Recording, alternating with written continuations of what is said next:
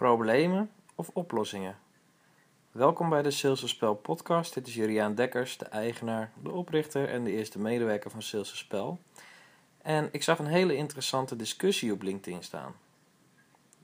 Het was eigenlijk meer een opmerking en in die opmerking kwam naar voren uh, wat verkoop eigenlijk was. En uh, daarin werd ook gesteld van is het niet zo dat je als verkoper je oplossingen aanbiedt om problemen op te, op te lossen. Dus om problemen weg te halen bij klanten. Dus oplossingsgericht. En het is interessant. En het is ook helemaal niet gek uh, dat diegene dat zo neerzet en die vragen stelde, die vraag stelde. Want dat is wel vaak de manier waarop uh, veel ondernemers en zelfstandig professionals denken. Dus ze hebben een kant-en-klare oplossing. En die oplossing, die zou problemen moeten verhelpen. Maar als ik even spreek uit mijn ervaring, uh, en ook veel andere verkopers die ik gesproken heb, die vertellen mij hetzelfde. En dan vooral de beste verkopers, dus de mensen die het beste kunnen verkopen.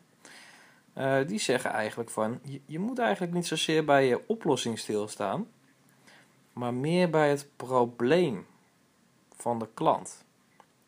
En dat probleem, dat ligt niet altijd aan het oppervlak. Dus het kan zo zijn, stel je voor, je bent in de winkel. Je komt voor een radioset. En je wil een nieuwe radioset.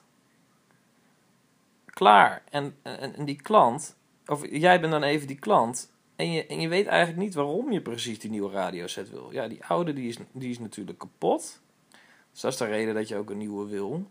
Maar wat wil je eigenlijk nog meer? Wat is de reden dat je um, een, een radioset wil? Dus wat is de reden dat je überhaupt een audio, een audio muziek wil luisteren, waar ga je die muziek luisteren? Um, waar zet je die neer? Wat, wat moet die kunnen? Wat voor muziek ga je erop luisteren? Is het klassiek? Klassieke muziek of is het uh, hardcore? Dat zijn allemaal dingen die beïnvloeden of jouw oplossing als verkoper de juiste is voor het probleem of de behoefte van de klant. En dat is ook de reden waarom het niet verstandig is om oplossingsgericht te verkopen, maar dat het verstandig is om probleemgericht te verkopen. Dus wat je eigenlijk doet, wat het meest verstandig is, is dat je eerst vragen gaat stellen aan degene die je spreekt. Dus je stelt eigenlijk heel veel vragen en vooral verdiepende vragen, zodat al die behoeften en die problemen die iets onder het ijs liggen, die de klant zelf nog niet bewust heeft, dus die de klant zelf helemaal nog niet helder heeft, dat je die ontdekt voor de klant. Want wat er gebeurt als je die ontdekt, is dat de klant ook gaat denken dat jij hem of haar beter kent dan hij, hij zelf. Dus pas dan, als die klant ervaart dat jij stilstaat bij de problemen en de behoeften van, van de klant, dan pas staat hij open voor jouw oplossing. Kijk, als jij ergens mee aankomt, een radioset gelijk, en je zegt van, nou, dit is de radioset, um, hij speelt dit af, um, hij heeft deze kwaliteit, hij heeft zoveel watt, en je kan hem overal mee naartoe nemen en je hebt zoveel batterij. Dan zeg, je, dan zeg je wel een hele hoop dingen, dus je geeft wel oplossingen aan, maar waarvoor? Wat is nou echt het probleem van die klant? En misschien zijn het helemaal geen eigenschappen, waar die klant echt naar op zoek is. Dus het is heel erg belangrijk om, als iemand een winkel binnenkomt of iemand belt jou, om het even los te laten, jouw oplossing. Om even helemaal los te laten wat jij verkoopt. Maar gewoon puur de nieuwsgierigheid uh, opwekken van en vragen stellen over. Nou, wat is de reden dat u belt? Hoe bent u bij mij terechtgekomen? Um, oké, oké. En hoe zit dat dan precies?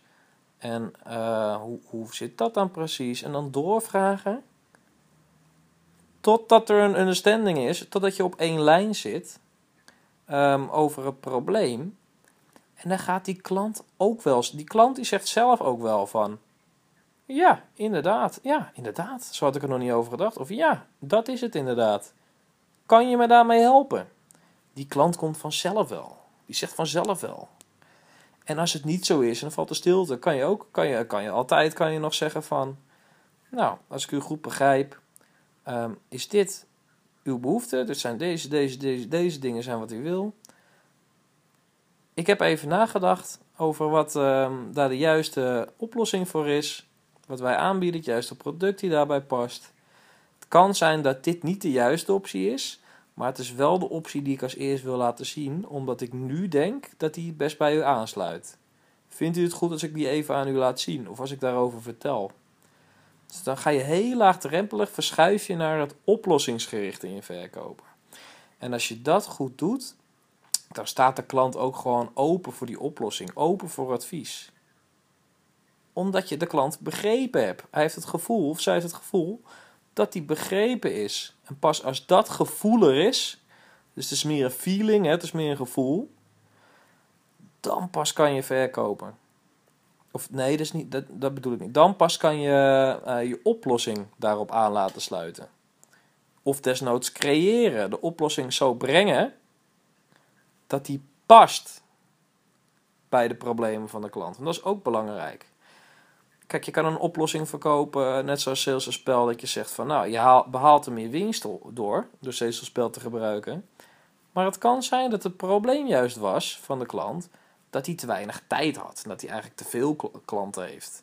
En dat hij ze, probleem, of dat hij ze uh, sales dus efficiënter wil maken. Doordat hij juist meer klanten kan hebben op die manier in minder tijd. Kijk, dan ga ik spel natuurlijk als iets verkopen wat die klant tijd kan besparen. Want dat doet het ook. Dan heeft het wat minder zin om op die winstkant te zitten. Want dat sluit niet aan bij het probleem of de behoefte van de klant. Als je dit gaat begrijpen, dan wordt verkopen ook leuker, hè? Want je gaat echt een klik krijgen met een klant en je gaat hem echt helpen. Je gaat echt helpen van waar zit nou het probleem? Je gaat hem begrijpen. En dan staat er een klik en dan is het aanbieden van je product uh, of oplossing. Dat voelt ook helemaal niet pusherig of opdringerig. Dat is dan een hele welkome, wel, welkome uh, boodschap aan je klant. En die klant die zal ook echt ervaren dat je hem of haar hebt geholpen. Dit was de podcast van Sales Spel van deze dag. Bedankt voor het luisteren. Deze aflevering die komt ook terug in de Sales Spel uh, e-book, de tweede.